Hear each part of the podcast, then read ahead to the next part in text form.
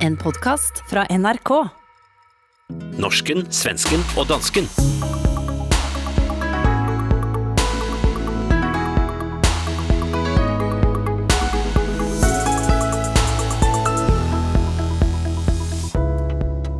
Ett år har gått siden samfunnet våre ble låst ned. Hva har norsken, svensken og dansken lært om sig selv og hverandre? Vi skal innom kvinnedagen, og en leder i Norske Fremskrittspartiet, som frygter at Greta Thunberg skal ta fra han fredagstacoen.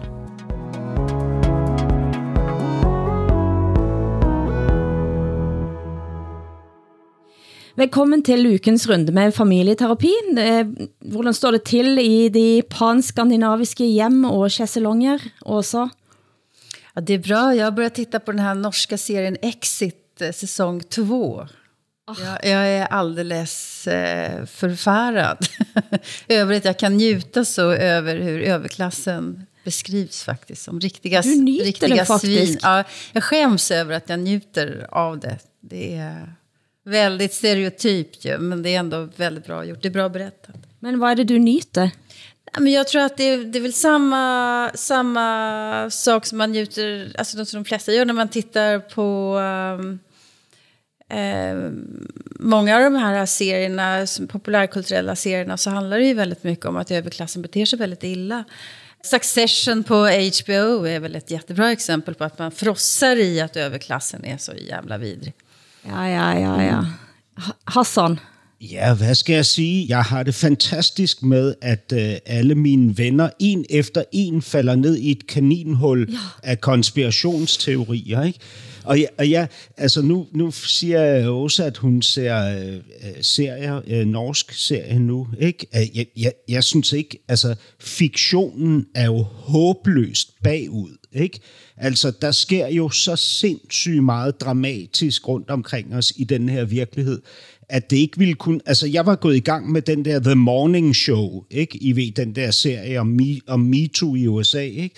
Og bang, så sker det her med Meghan og, og, og Harry, ikke? Og, og hvad hedder det? Uh, Piers Morgan siger sit job op, eller bliver bedt om at gå fra sit... Altså, prøv at høre, virkeligheden indhenter os dagligt, eller ikke kun indhenter, men overhaler os, ikke? Så jeg, jeg har simpelthen, altså, jeg, jeg, jeg, hvordan skal vi nogensinde kunne vende tilbage til fiktionen igen? Vi har altså som vanligt fått nogle venlige rettelser og påpekninger for lytterne våre. En svensk lytter skriver, Jeg vil bare påpeke at Hassan tydligen inte känner til danska motsvarigheten til Svenska Akademiens ordliste-app.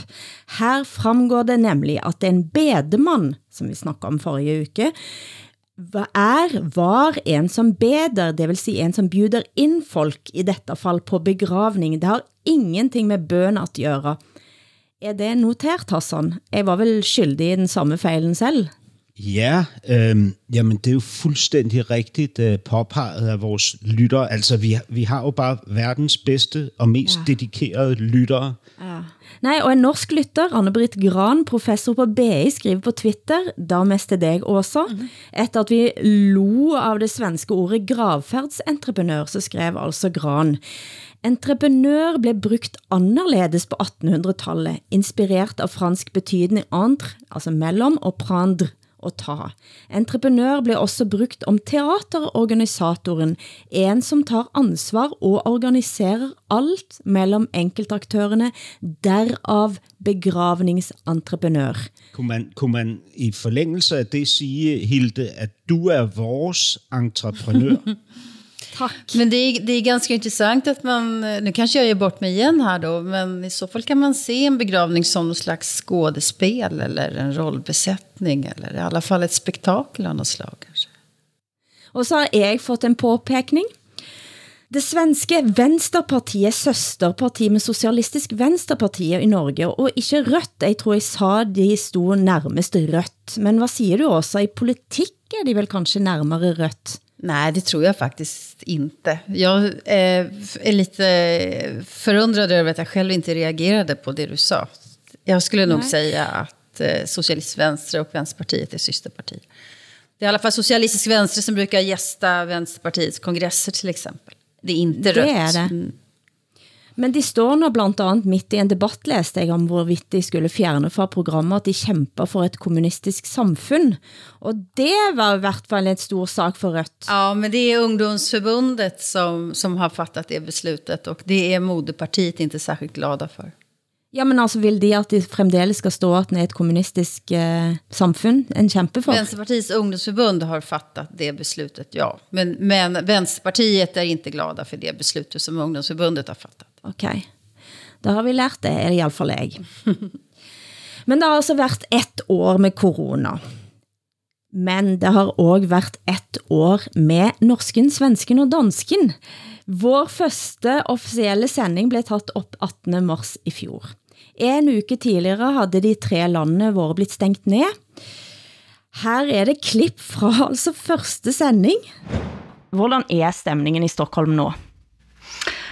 Ja, det är nog som hos er tror jag. Det är väldigt ödesmättat och ångestfullt. Och man tar inte varandra i hand och man viskar nästan när man är i affären. Det är oerhört ödesmättat. Är det.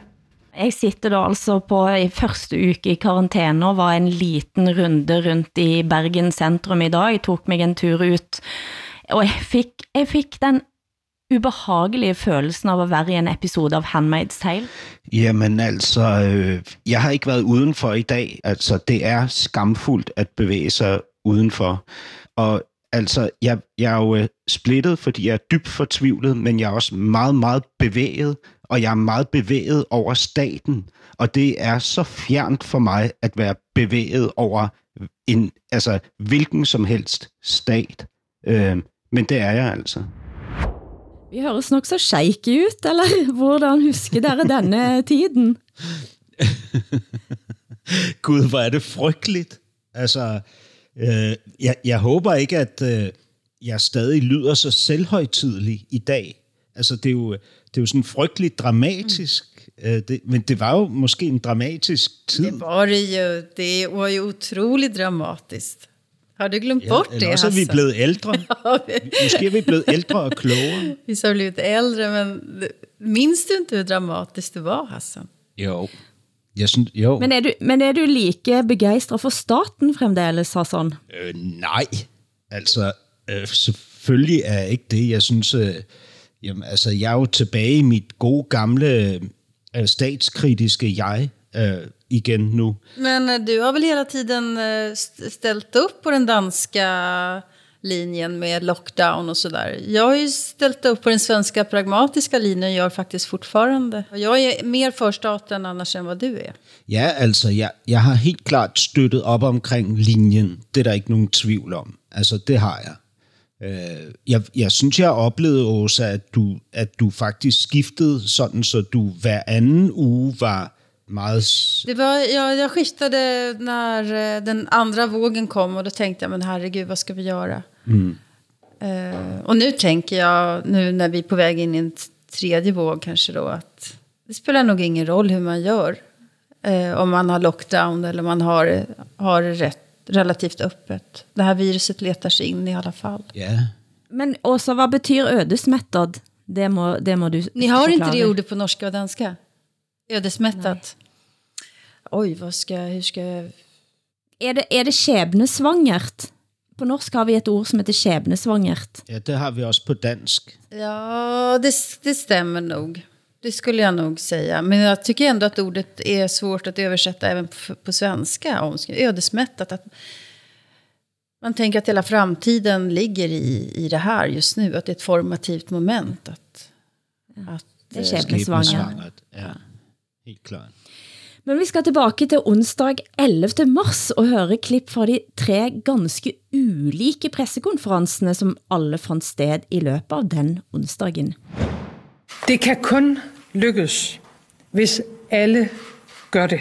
Og alles adfærd bliver helt afgørende. Og derfor må alle nu være klar over situationens alvor. Under ett eh, extrainkallat regeringssammanträde ikväll så fattade regeringen då beslut om att begränsa sammankomster med mer än 500 personer. Det här gjordes efter en hemställan från Folkhälsomyndigheten och regeringen beslutade i enlighet med den hemställan. Og en av de tingene jo jeg er opptatt av med dette, er å sørge for at vi får fortgang i vaksinearbeidet, som vi trenger å få til, sånn at vi på et tidspunkt også kan vaksinere folk mot eh, dette viruset. Nå var det ikke derfor jeg eh, kom her, eller innkalte dette. Det er jo pga. den meddelelsen jeg har fått om at eh, Trine Skei Grande ønsker å ikke ta gjenvalg som leder av Venstre. Her har du altså Erna Solberg er mest optaget av partilederen i regeringspartiet Venstre gik av den dagen. Og det er ganske rart at høre i dag. Det er et sidste ekko av en normal politisk hverdag før alt, absolut alt har drejet sig om corona. Men eh, to ting jeg bøjet mig mærke med Löfven. Sverige begrænser folkeansamlinger på over 500, siger han. I dag høres jo det helt fuldstændig fjernt ut. Ja. Hvad tænker du også? Ja, jag tänker att, uh, att Stefan Löfven och Sverige, precis som alla andra länder, stod och famlade och inte visste vad man skulle göra. Vad är, vad är rätt och vad är fel? Och... Sen var det ju väldigt speciellt att Sverige gick en helt egen väg där. Men mm. idag så låter det ju som en dröm att få träffas 500 personer samtidigt. Ja. Men han er, han er også optaget av at få frem, at det er folkehelsemyndighetene, som har bedt han, altså hemställan, ja, har, har kommet med en henstilling om dette tilltaket. Ja. Det är ganska symptomatisk, har vist sig. Ja, det är en intressant iakttagelse du gör där, Hilde. Det är ju faktiskt eh, politiken som vänder sig till experterna eller myndigheterna och inte... Eller de, myndighet, tvärtom menar jag. Myndigheterna vänder sig till politikerna mm. och inte tvärtom. Det, Sverige är speciellt. Mm. Ja, det kan du roligt sige, Åsa. Det kan man lugnt säga, ja. ja. Men, men Mette Fredriksen har sånn, Mette Fredriksen, hun blomstrer jo denne rollen som eh, Commander-in-Chief allerede på dag 1. Det er jo en rolle, der passer perfekt til hende. Ikke? Altså, øh, hun, hun, hun spiller den jo med stor succes, og det har jo også vist sig, at, øh, at den måde, hun ligesom formidlede det her ansvar på, skulle gøre hende til den altså en af de mest populære statsministre, vi har haft i mm. Danmark i moderne tid. Ikke? Altså det er jo vildt, at det, skulle, at det på den måde skulle være hendes arena, denne her pandemi. Ikke? Det är intressant också tycker jag att Danmark har genomgått så otroligt mycket dramatik under det här året som vi i Sverige och Norge inte har gjort. Alltså jag tänker dels med minkarna, men sen också metoo. Och ändå så mm. står Mette Fredriksson så stark. Det, det, man måste imponeras av det faktiskt. Och det är någonting i, i vår podd där vi hackar på henne hela tiden. Men det är någonting som vi inte riktigt har kommit åt. Vi, jag tycker vi kan inte mm. riktigt förklara varför hon är så stark som hon är. Men den uppgiften återstår väl då. Det kan inte bara vara att hon är manipulativ Nej. eller någonting sånt där. Utan det, hon är väl en väldigt, väldigt skicklig politiker helt enkelt. Som kanske har då en politik också som, som attraherar väldigt många. Ja, og tingene praller af på hende, ikke? fordi der har jo været masser at kritisere. Altså, der har jo været lovbrud, der har været øh, mag- magtmisbrug, der har været... Jamen, altså, listen over øh, sønder er lang. Ikke? Øh, hun har også folk i sin regering, som er øh, altså burde være faldet for den store MeToo-hammer, mm. som ikke er, er faldet. Ikke? Altså, det er som om at hun har gjort af teflon i den, i den her tid i hvert fald. Ikke? At, der, at der, der, er sådan et, der er sådan et usynligt panser omkring hende, ikke? som ikke kan gennemtrænges. Men samtidig så gør jo sådan ting som at rejse til Israel og, og, og prøve at indgå en ny aftale og jobbe med vacciner på en anden måde. Så jeg tænker jo også, at Mette Fredriksen svarer på de behovene som folk, nu snakker jeg stort, har. Mm og at en del av de sakene som hun da, som preller av på henne, er også saker som hun vet at flertallet faktisk ikke bryr sig med, ikke interessert. Så är det nog, men jag tänker också att jag tycker Danmark jag brukar hävda att Danmark är kanske Europas intressantaste land. Det, det är kanske lite eh, överdrivet, men det är, ett, det är ett spännande land. Vad, vad också som är påfallande för en svensk det är att Danmark, den danska politiken saknar opposition. Det finns mm. liksom ingen opposition politiskt mot Mette Fredriksson. Om man tittar på Norge och Sverige så är det starka liksom, oppositionsrörelser. Men det finns ju inte i Danmark. Det är väldigt speciellt skulle jag säga. Nej, alltså, så det är inte konstigt att hon blir stark då också. Det nuværende socialdemokrati har været i stand til at lægge alle de drivende dagsordner ind under sin paraply. Mm. Mm. Ikke? Øh, og pandemien har været en gave for øh, den, den siddende regering. Ikke? Det har styrket regeringen i den grad. Og den her Israel-tur, du nævner, Hilde, ikke? altså Mette Frederiksen var i Israel sammen med den østrigske kansler, øh, og ingen af os ved rigtigt, hvad hun har lavet dernede. Men hvis nu jeg et kort øjeblik skulle give mig hen til det lille hjørne af mig, som trods alt har en besynderlig, men dog øh, tilstedeværende kærlighed til Mette Frederiksen, så vil jeg sige, at det der med, at hun ligesom tager det sted hen, ikke?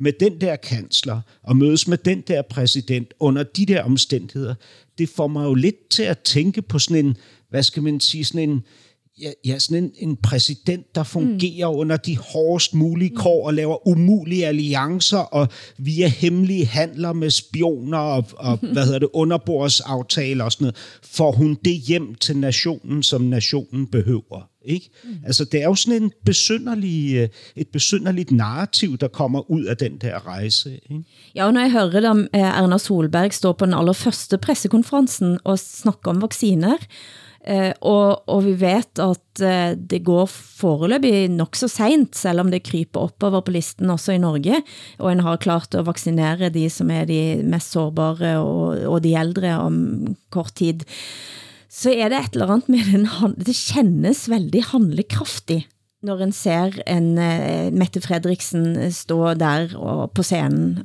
og snakke med, med israelere, østerrikere og andre. Ja, der er sådan noget, uh, I, kan, I kan huske Margaret Thatcher, da hun ligesom sendte skibene mod Falklandsøerne der i 8, ja, ja, ja, ja, ja. 80-tallet, ikke?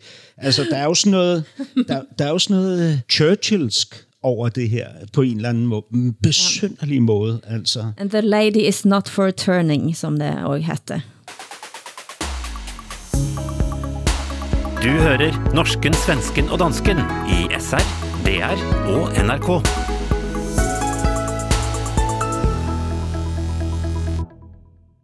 Men vi skal snakke om den danske dokuserien Annika og det svenske coronamysterium.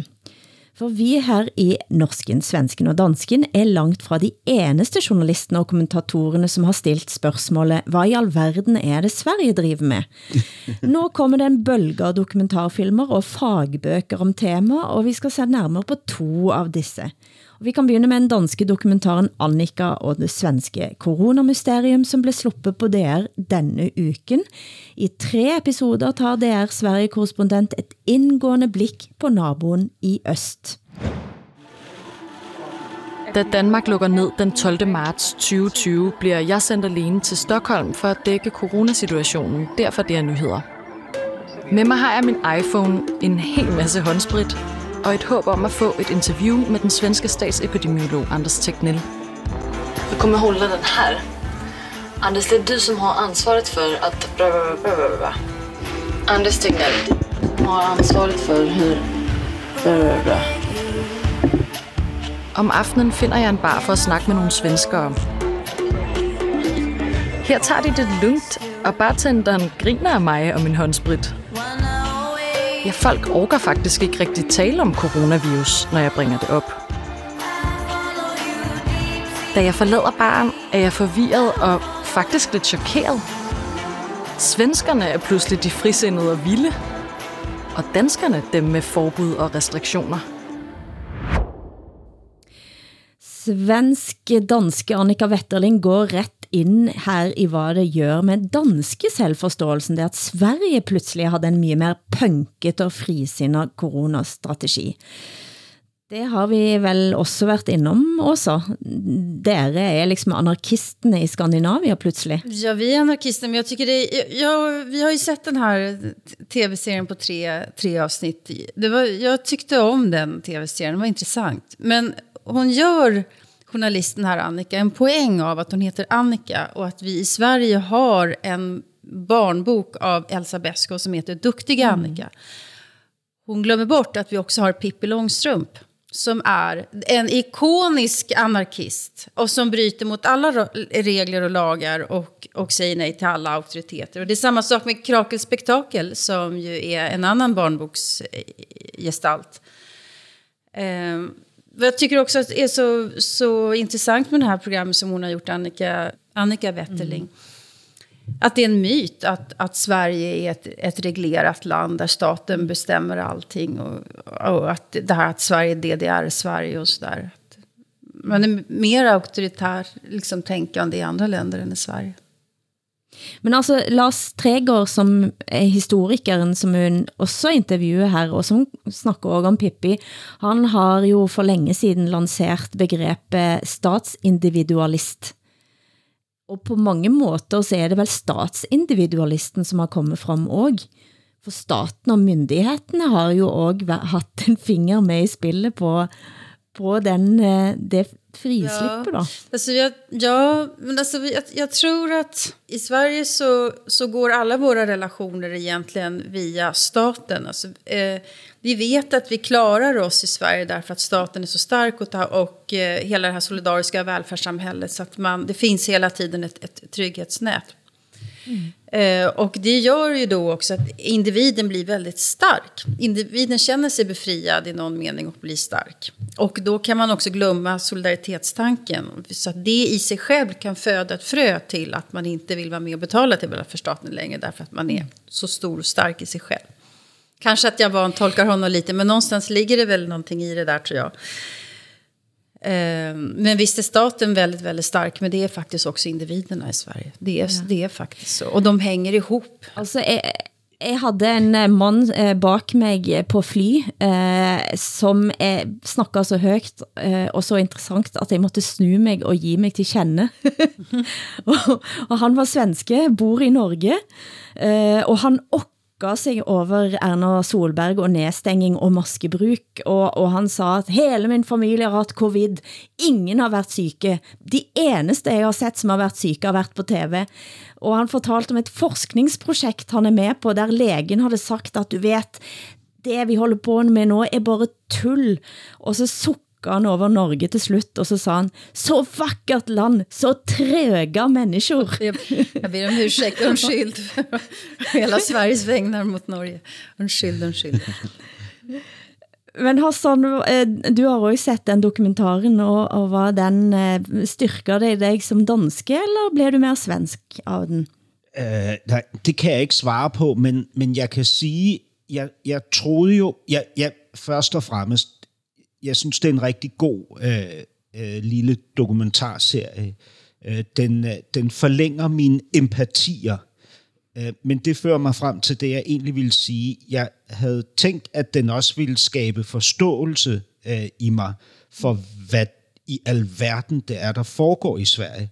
Men jeg forstår ingenting stadig. Og når jeg, øh, Åsa forklarer det her med, at en stærk stat skaber stærke individer, så, så er det nærmest sort snak i min danske hjerne. Altså det er som om, det ikke kan, kan, det kan ikke trænge ind.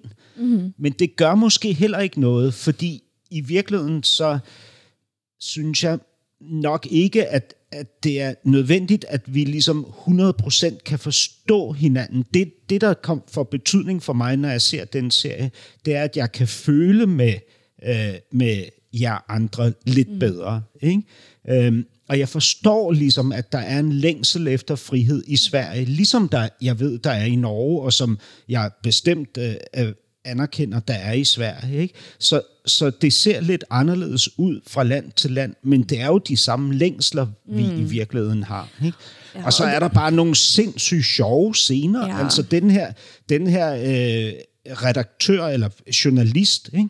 som ligesom har sat sig for at forsvare Anders Tegnell for enhver pris. Ja. Altså, det er jo enormt morsomt, ikke? Altså, øhm, og så den her svenske kvinde, der øh, ligesom i slutningen af tredje afsnit fortæller om, at hun har slået sig ned i Danmark og har pludselig erkendt her under corona, at Sverige er jo ikke fuldstændig perfekt, mm. som, som, som hun troede, det var. Ikke? Nej. Alltså det är ju fantastiskt. Men jag tänker ju fortfarande att, eh, eller jag tycker att Eh, de höga dödstalen som vi har i Sverige, de kan inte bara skyllas på att det har varit en pragmatisk öppenhet, utan det har att göra med att vi har organiserat äldreomsorgen på ett sånt särskilt sätt med väldigt många timanställda. Och man har inte brytt sig om att lägga pengar på skyddsutrustning och sådana saker. Mm. Och den, den, hur äldreomsorgen är utformad, det har ingenting med Folkhälsomyndigheten att göra. Däremot så är ju politiker sedan 20 år tillbaka ansvariga för man har vetat om de här problemen. Liksom att, att eh, äldreomsorgen inte fungerar i Sverige riktigt organisatoriskt. Eh, och sen har vi då regionerna, det som tidigare hette landstingen på det, att det inte finns någon samordning och så. Så att Sverige är ju ett land som på många sätt faktiskt inte fungerar när det gäller kärnverksamhet där människor finns. Uh, och det tycker jag blev väldigt tydligt här under coronastrategin. Men med det sagt vill jag nog säga att jag tror faktiskt att den svenska linjen kan ha varit den riktiga. Därför att de länder som har haft en total lockdown, de har ju ändå gått in i en tredje våg långt tidigare än Sverige. Men det är ju inte bara utlänningar som lurer på vad som i gåsøyne da, er galt med Sverige. Svenskene selv undrer sig. Forfatter og journalist Bengt Lindroth har skrevet boken Vi som inte var med i kriget, om Sverige, Norden, Europa och coronan, om Sveriges specielle stilling blandt de nordiske land. Vi kan høre han her på Politik i bokhyllan på SVT, hvor han får spørgsmål om den svenske alenegangen under corona kan skyldes at man ikke har oplevet krig på flere hundre år. En del använder till och med ordet fredsskadade. Att Sverige så att säga har ja. missat en erfarenhet ja. som, som, på något sätt uh, märks i politiken och det kollektiva mm. medvetandet. Ja, det, ordet har ju dykt upp också i anslutning till coronadebatten här hemma i Sverige. Och jag tycker kanske ibland att det missbrukas eller det används på fel sätt. Det har ibland missförstås fått, kanske? Ja, det kanske missförstås och det har fått en, ungefär en betydelse av att vi i Sverige skulle vara fredsskadade för att vi har rustat ner vårt försvar och, och så vidare. Och så vidare. Men ursprungligen så lanserades vad jag förstår det begreppet av Georg Klein Eh, Eh, cancerforskaren och, och eh, um, ungersk-judiska eh, flyktingen. Där han ju menade att Sverige var fredsskadat för att i och med att vi inte delar de här erfarenheterna som resten av Europa och våra nordiska grannar och också i Baltikum inte minst har så, så saknar vi förståelsen för nyanser. Att konflikter, riktigt svåra konflikter, inte är så enkla. Det finns inte alltid det som är eh, enbart rätt och det som är enbart fel. Føler du dig fredsskadet, eh, Åsa? Jag vet inte, men jag tycker att det är väldigt intressant när jag träffar norska och danska kollegor och pratar med. Ni har en erfarenhet eh, av att ha varit med under andra världskriget som vi i Sverige inte har. Eh, och det, det, tror jag påverkar oss i, i, generationer. Däremot tror jag inte att det har påverkat den svenska coronastrategin. Eh, möjligen att det kan ha påverkat hur, vi, hur det svenska debattklimatet ser ut, men jag är inte säker på det heller. Men däremot att ni har en extremt tung erfarenhet som vi inte har i Sverige. Det, det, så är det.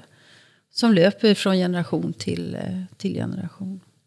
Men det har jo haft en praktisk konsekvens blandt andet med at den ikke har haft eh, kriselover i fredstid eh, i Sverige. Det tog väldigt lång tid før en fick eh, på plats eh, muligheten for at sætte kriseråd och kriselov. Absolut, det är, det är alldeles riktigt. Men man kan också säga att vi har haft stora beredskapslager som vi har avvecklat. Mm. Jag skulle säga att man kan säga att, att vi är fredsskadade. Man kan ju också säga att vi är marknadsskadade helt enkelt av ett helt nytt ekonomiskt system skulle jeg sige. Altså, hvis nu man skal sige fredsskadet, øh, altså Sverige har jo erfaring med, at det, øh, at det kan være en fordel at forholde sig neutralt til det, der foregår. Ikke?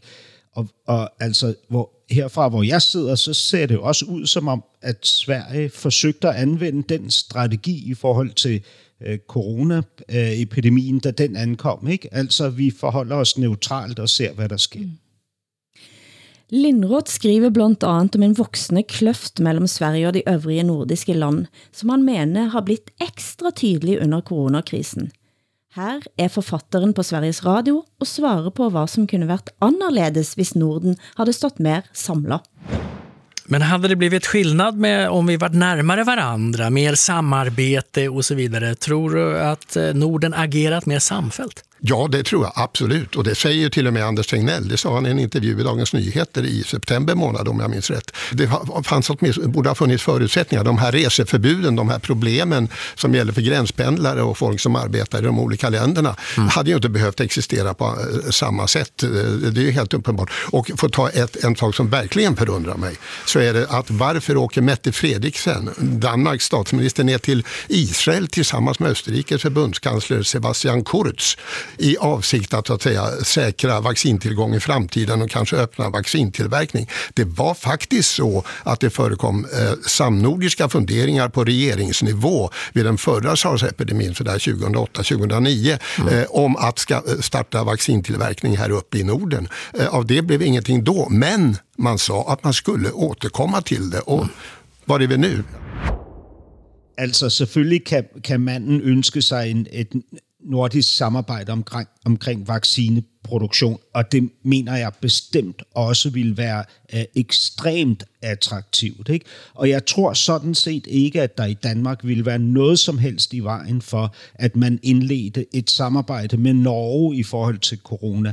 Men altså som Anders Tegnell har opført sig set herfra, Altså den ene gang, han er, har, er, er gået med så stor, øh, hvad kan man sige, øh, arrogance, øh, så, så tænker man jo, hvordan skulle man have indledt et, et øh, samarbejde, hvor kompromiset bliver det afgørende, og den fælles forståelse, platform skal opdyrkes, for at man kan stå stærkt sammen. Ikke?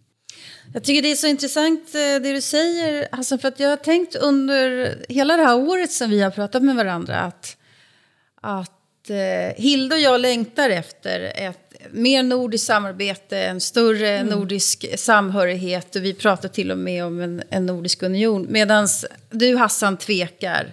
Du vill inte riktigt på samma sätt. Och det, det stämmer helt i linje med Bengt Lindros bok. Jag har läst hela den boken.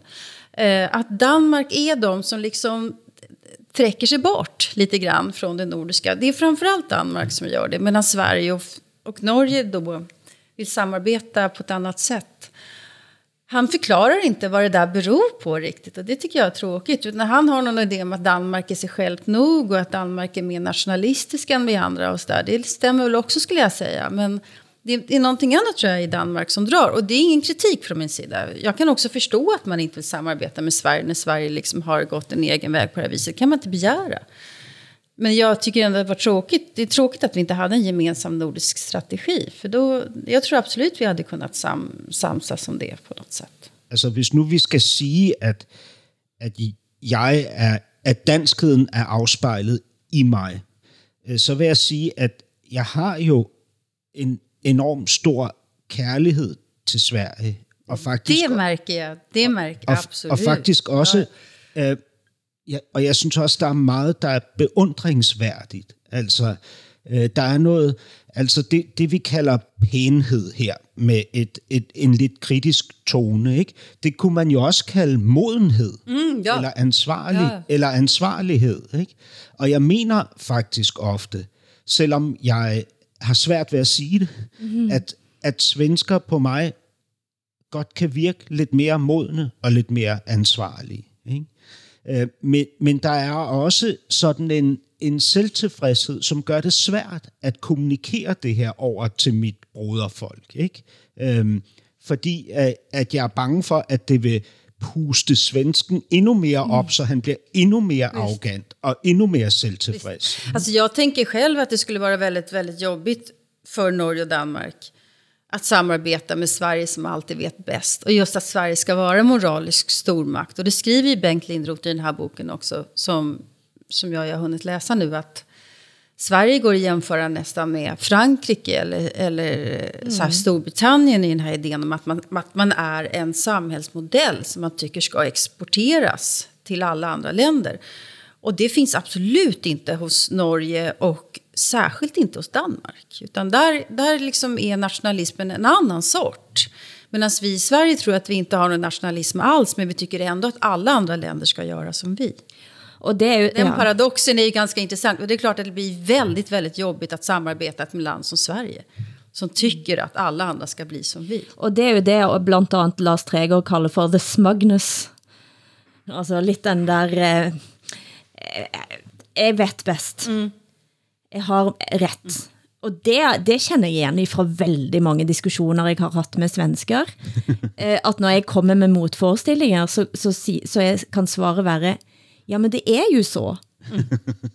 Nej, men så säger vi i Sverige. Og da er jo på en måte alt sagt. Ja, det er jo så. Det är ju en väldig, det är ju en väldig utfordring att, att, att vara i Norge och Danmark för en svensk. Därför att då måste man faktiskt tänka efter vad man säger. Man måste kvalificera sina argument. För att, för att ni vill alltid, alltid ifrågasätta vad vi säger. Inte för att vi är svenskar utan för att ni är bättre på att tänka kritiskt skulle jag säga. man er, man, som Och tycker, svensker... ni tycker om att diskutera i Norge och Danmark. Det gör vi inte i Sverige. Vi tycker, inte, om- vi, vi tycker om att bråka. Vi tycker inte om att diskutera. Ja, det er interessant. Og, og, og det du siger er, at man som svensker ikke er vant til at tænke sig om, før man taler.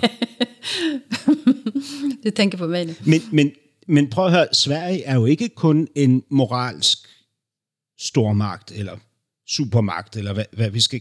Det, det, er jo- er en, en missionerende Absolut. moralsk Jag stormagt. är, helt, jag är helt överens med dig. Helt överens med dig. Men det er jo det som blir så interessant da, at man både er en missionerende stormagt og er punker samtidig. Mm. Og når den holdningen kommer til syne, så känner jeg at jeg elsker Sverige.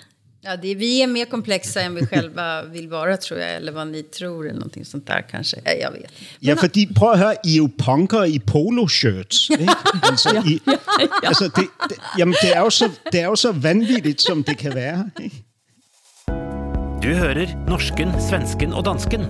Programmet blir sendt i Danmarks Radio, Sveriges Radio og Norsk Rikskringkasting.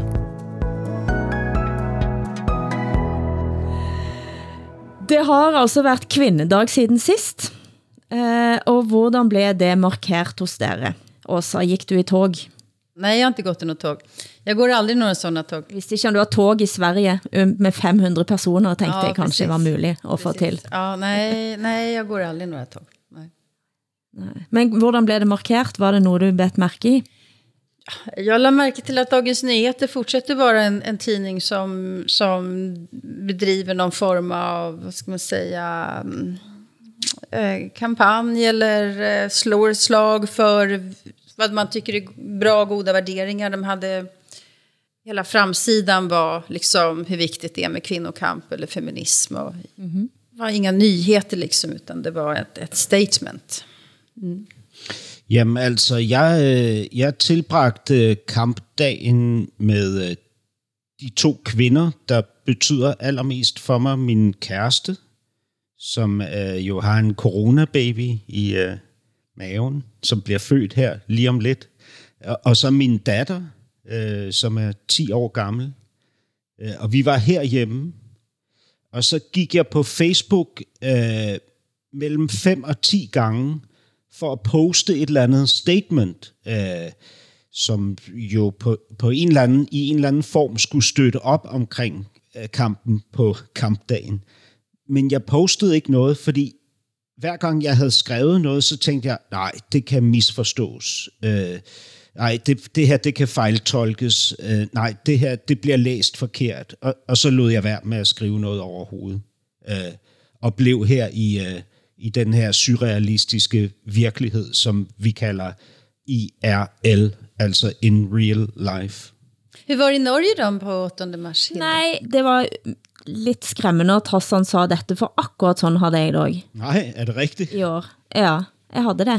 Og det er ikke det at jeg plejer at poste, men jeg plejer alltid, jeg har skrevet ting om kvindedagen, og jeg har været optaget av det, selvfølgelig er jeg det, og jeg er jo det fremdeles. Um, men det er som at det spinner og går i så mange retninger samtidig, at jeg også blir, jeg blir lidt matt. Uh, I Norge så blev det, det var kuriøst, men i Norge så blev det altså bråk da tidligere venstreleder Trine Skei Grande, som altså gik av 11. mars. Uh, hun sammenligner det at ha langt hår med hijab. Va? Langt hår er det vestlige hijab, sa hun. Vad sa Va? Altså, muligens hadde hun blitt provoser, pro, provosert til denne spidsformuleringen etter en uttalelse om at kort hår på kvinder er, er en slags byråkratfrisyre både Trine Skei Grande og Siv Jensen og Erna Solberg har sånne korte praktiske frisyrer, og så var det en som udtalte sig om det. Og så svarte hun ganske, ganske hissig eh, i Aftenposten, at, eh, at den tvangen til at ha langt hår er på en måte vestens hijab, og det satte du da sinne i kok, blandt andet hos eh, Dana Manocheri for organisationen Likestilling, Integrering og Mangfold, som i høst figurerte på forsiden av Le Figaro sammen med Sineb El Rasoui fra Charlie Hebdo under titlen Disse slåss mot islamismen, og Dana skrev Grande tar sats og kaster hele kampen om frigjøring av minoritetskvinder på bålet på skjønnhetsidealets alter. Om du velger at ha kort, langt, kort, opklippet, frisert, stripete perm eller ikke noe hår i det hele tatt, vil det ha null nevneværende konsekvens for dig som vestlig kvinde. Det er muligt du ikke får en toppstilling eller maktposition med langt hår, eller at du ikke blir ansat som modell med perm, men snurr ind barten og ta den diskussion i et eller andet moteblad. Og da, da lurer jeg på også, hvad tænker, både du og jeg har langt hår, er det vår hijab? Alltså jag måste säga att jag, jag är så chockerad över det som händer i Norge. Jag tycker debatten och diskussionerna och ämnena i Norge blir galnare och knäppare. Och jag känner inte igen Norge längre. Det är någonting som har hänt. Kaninhullet vårt. Vi sitter i kaninhull. Ja, alltså det är, en helt, det är en helt ny nivå i Norge. Och det går åt fel håll tycker jag.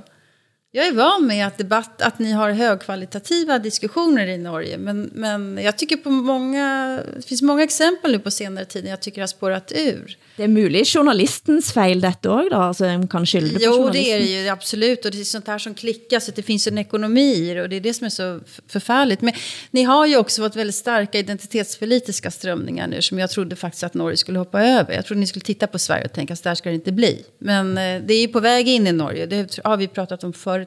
Jag måste bara fråga, hur gick det med... Vi pratade ju om det här bråket om vem som ska räknas till kvinna och inte kvinna, om man har livmoder eller inte och hela transrörelsen. Jag tänker Marie Skurdal på Klassikampen som, som fick väldigt mycket däng där. Hur gick det med mm. det där? Nej, det var jo ingen uh, den type paroler, hverken på den ene eller den andre fronten i, okay. i 8. mars-togene. Uh, så man styrte jo under, kan man si.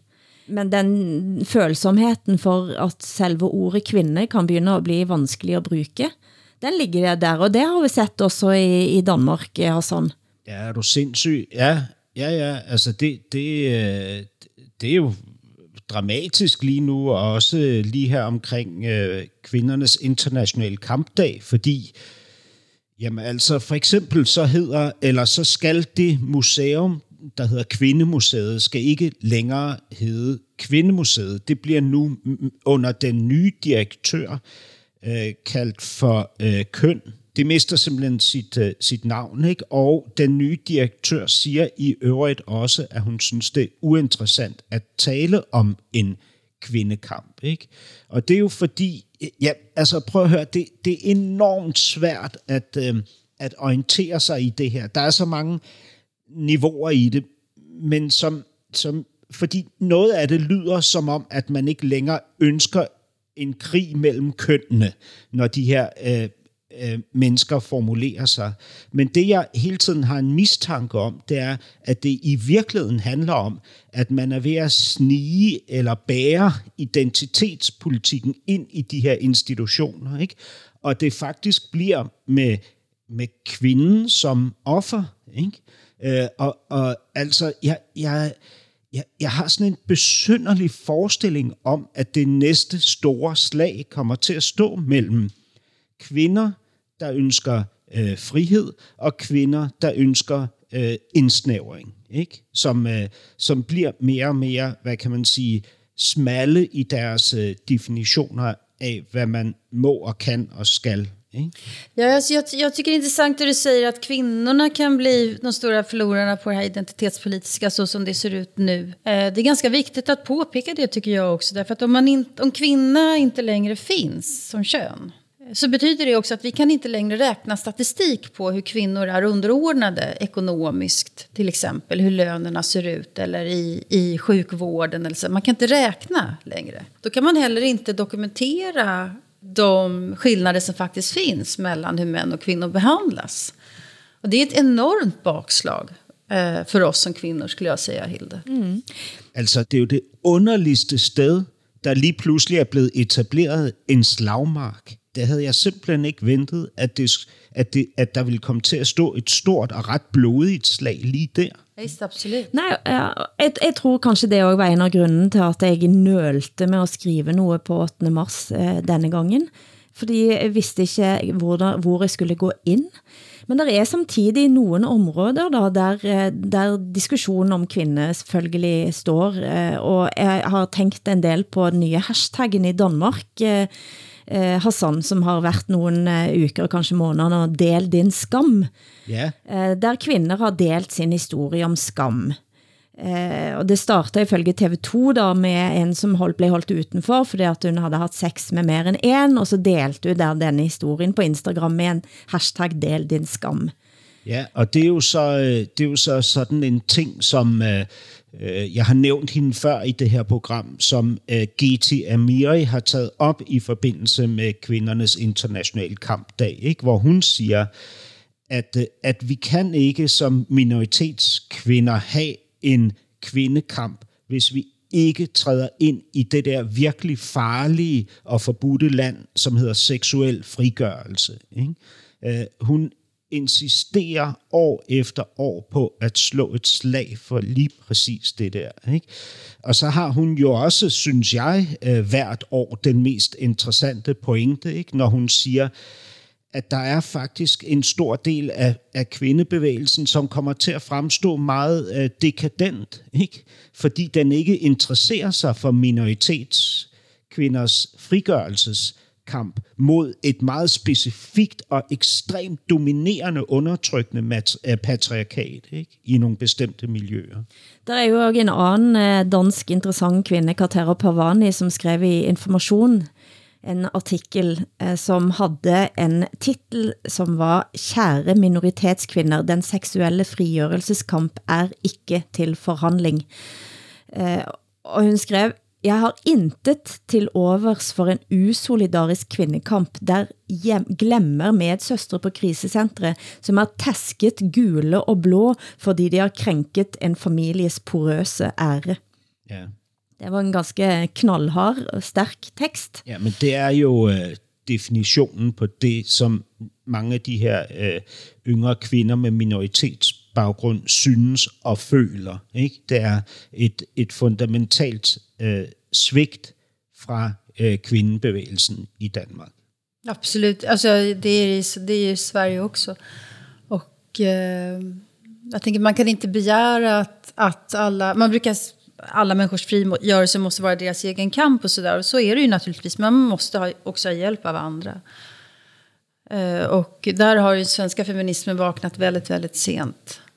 Uh, och inte pratat om hederskultur och så. Även om de själva påstår att de har gjort det så har de inte det.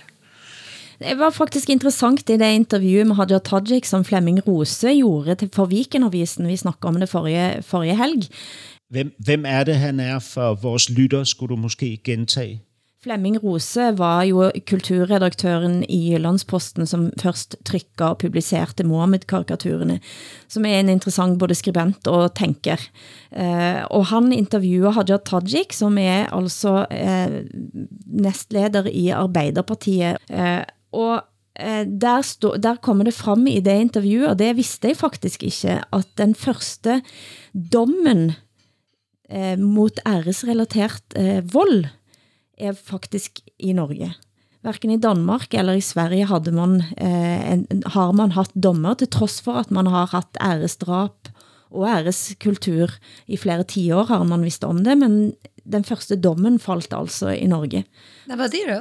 Jeg lurer på, om det var to år siden. Jaha. Mm. Nyss altså. Og der, og der det blev en skærpende omstændighed. Og det er interessant, hvis man, hvis man kan på en måte se at æresvold, og det betyder familierelatert eh, vold, eh, på den måten er en skærpende omstændighed. Ja, hvad interessant. Men eh, jeg læste også en artikel i dag da, for, at, for at bringe ind eh, The Royalties, som alle nå snakker om, Shazia Majid i VG, eh, som siger, kan ikke alle se at den britiske kongefamilien opererer som en klan? Mm. Og, og som i alle andre klans samfund, eh, så er det kvinden som får skylden, skrev altså hun. Mm. Bra spaning. En eh, kort eh, identitetspolitisk sak til slut.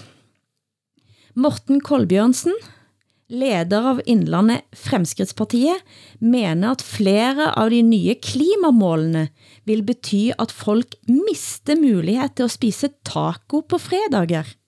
Fredagstacoen kan forsvinde. Og da lurer jeg selvfølgelig på, har dere fredagstaco i Sverige og Danmark? Ja, alltså, jag tror att alla, familj, alla barnfamiljer i Sverige äter tacos på fredagarna, utom, utom vi i min familj. Vi gjorde aldrig det. Och, och mina barn tyckte att det var väldigt tråkigt att vi skulle vara så annorledes hela tiden. Men ja, det är fredagsmat i Sverige. Jeg så faktisk en sak, eh, 10 år gammel sak, eh, der det bliver påstått at eh, ingen spiser mer taco end nordmænd og svensker. Men hvad æter man i Danmark på fredagar? då? Jamen prøv at høre, jeg havde aldrig hørt om fredagstacos. Altså a- aldrig nogensinde. Vi, altså vi kan jo godt finde på at spise tacos her, ligesom, mm. ligesom vi kan finde på at spise sushi, men det er jo ikke, hvad hedder det, det er jo ikke noget, man spiser om fredagen. Hvorfor er I så underlige? ja, jag tycker också, jag tycker det är helt dekadent. faktiskt. Det är så, åh, vad trist det är med fredagstacos. Men jeg, altså, jeg havde en, en aftale med min datter på et tidspunkt. Hun er hos mig hver anden uge, hver anden vecka. Ve, ve, ve, Vecka, varannan vecka. vecka. Mm. Og, og hun kommer hos mig om fredagen. Øh, Og der havde vi en tradition om, at jeg lavede fasan til hende. Fasan? Ja. det är selvfølgelig. Men gud vad gott. Men kan man köpa fasan överallt i Danmark? Ja. Ja, det kan man inte i Sverige. Alltså, då måste man gå till särskilda butiker om man ska hitta en fasan. Nå, vi har mange fasaner. Øh, Har ni det? Ja, ja. Kan, kan I ikke huske her for et, par, øh, for et par måneder siden, der røg jeg på hospitalet? Jo. Øh, fordi, Jo, du hade ett ben i halsen, ja. Ja, det var fra en fasan. Ah, ja, ja, ja.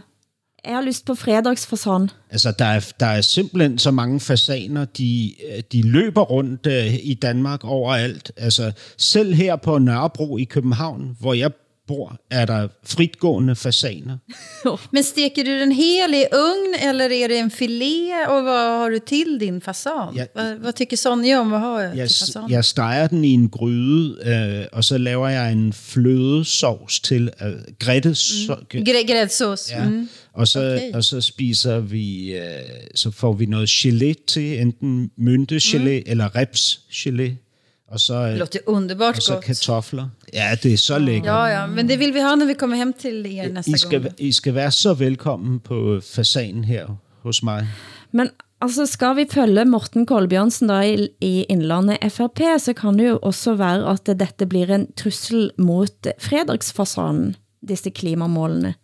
Men alltså är inte fasan, är inte viltkött ändå mer klimatsmart än all annan Jo, det är möjligt. kötthantering tror jag. Så danskarna ligger väl i framkant här då? De har alt for mange svin. Men jeg kan sige en ting til dig, der, som skal bli far, eh, Hassan. Ja. Det er en baby. Og da jeg googler mig rundt for at finde ut om danskene har fredagstaco, så fandt jeg kun en sak, eh, og det var altså fredagstaco for babyer. Hva? Det har man produceret. Ja, altså jeg kan garantere, at det kommer ikke til at blive et uh, koncept her i mit hjem med fredagstacos. Men der er altså et nytt parti i Danmark, Hassan. Det må vi faktisk bare sige på vejen ut. Nej, säg inte att det är ett nytt till danskt parti. Nej. Jo. Vi svenskar orkar inte höra, vi kan, det, det går inte. Det är ett joke, eller? Du må, du må på vej ut, Hassan. Kom igen. ja, jamen altså, øh, jeg, Jamen altså. jeg, jamen, jeg, jeg får, Vill de begränsa invandringen, eller? Nej, det, nej, nej, det er et, øh, Nej. det er et, øh, det er et klimaparti, et miljø. Altså, ja. I, I har jo bemærket... Er det sandt? Det, altså, den, den foregående bølge, det var jo indvandrerbegrænsende partier. Ikke? Mm. Den nye bølge, den eksisterende bølge, det er jo klimabølgen, altså øh, mi, mm. miljøpartier. Ikke? Så det her er selvfølgelig et nyt øh, miljøparti, som hedder Momentum. Og, øh, og, og partiet vil sætte alt ind på klimapolitik. Øh, politik. Mm-hmm. Øh, og på den måde så øh, kan jeg ikke lige gennemskue, hvordan de adskiller sig fra alle de andre partier, der ligger og har klima som den primære dagsorden, altså hvad hedder de, frie grønne og alternativet og så videre men de er der i hvert fald. Og det er en fornøjelse, fordi øh, alene af den grund, at, at, at jeg hver uge glæder mig til at, øh, at se Åsas reaktion på, at vi har fået et nyt parti i Danmark. Congratulations. Men alltså, det är bland annat det här som förklarar varför ni, det är så svag politisk opposition i Danmark.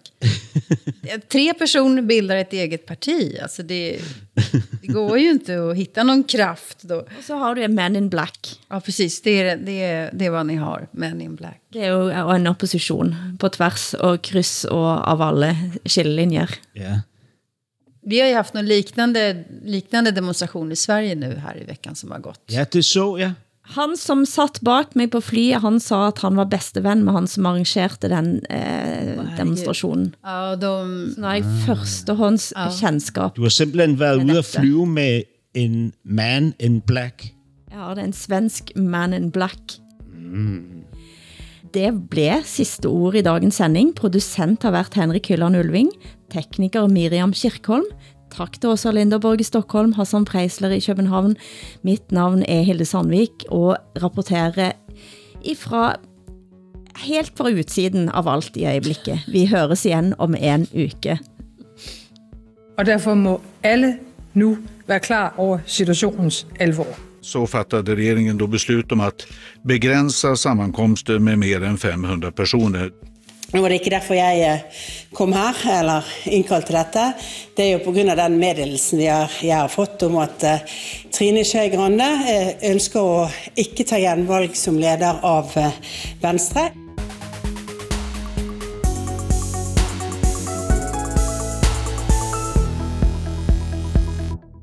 Du har hørt en podcast fra NRK. Hør flere podcaster og din NRK-kanal i appen NRK Radio.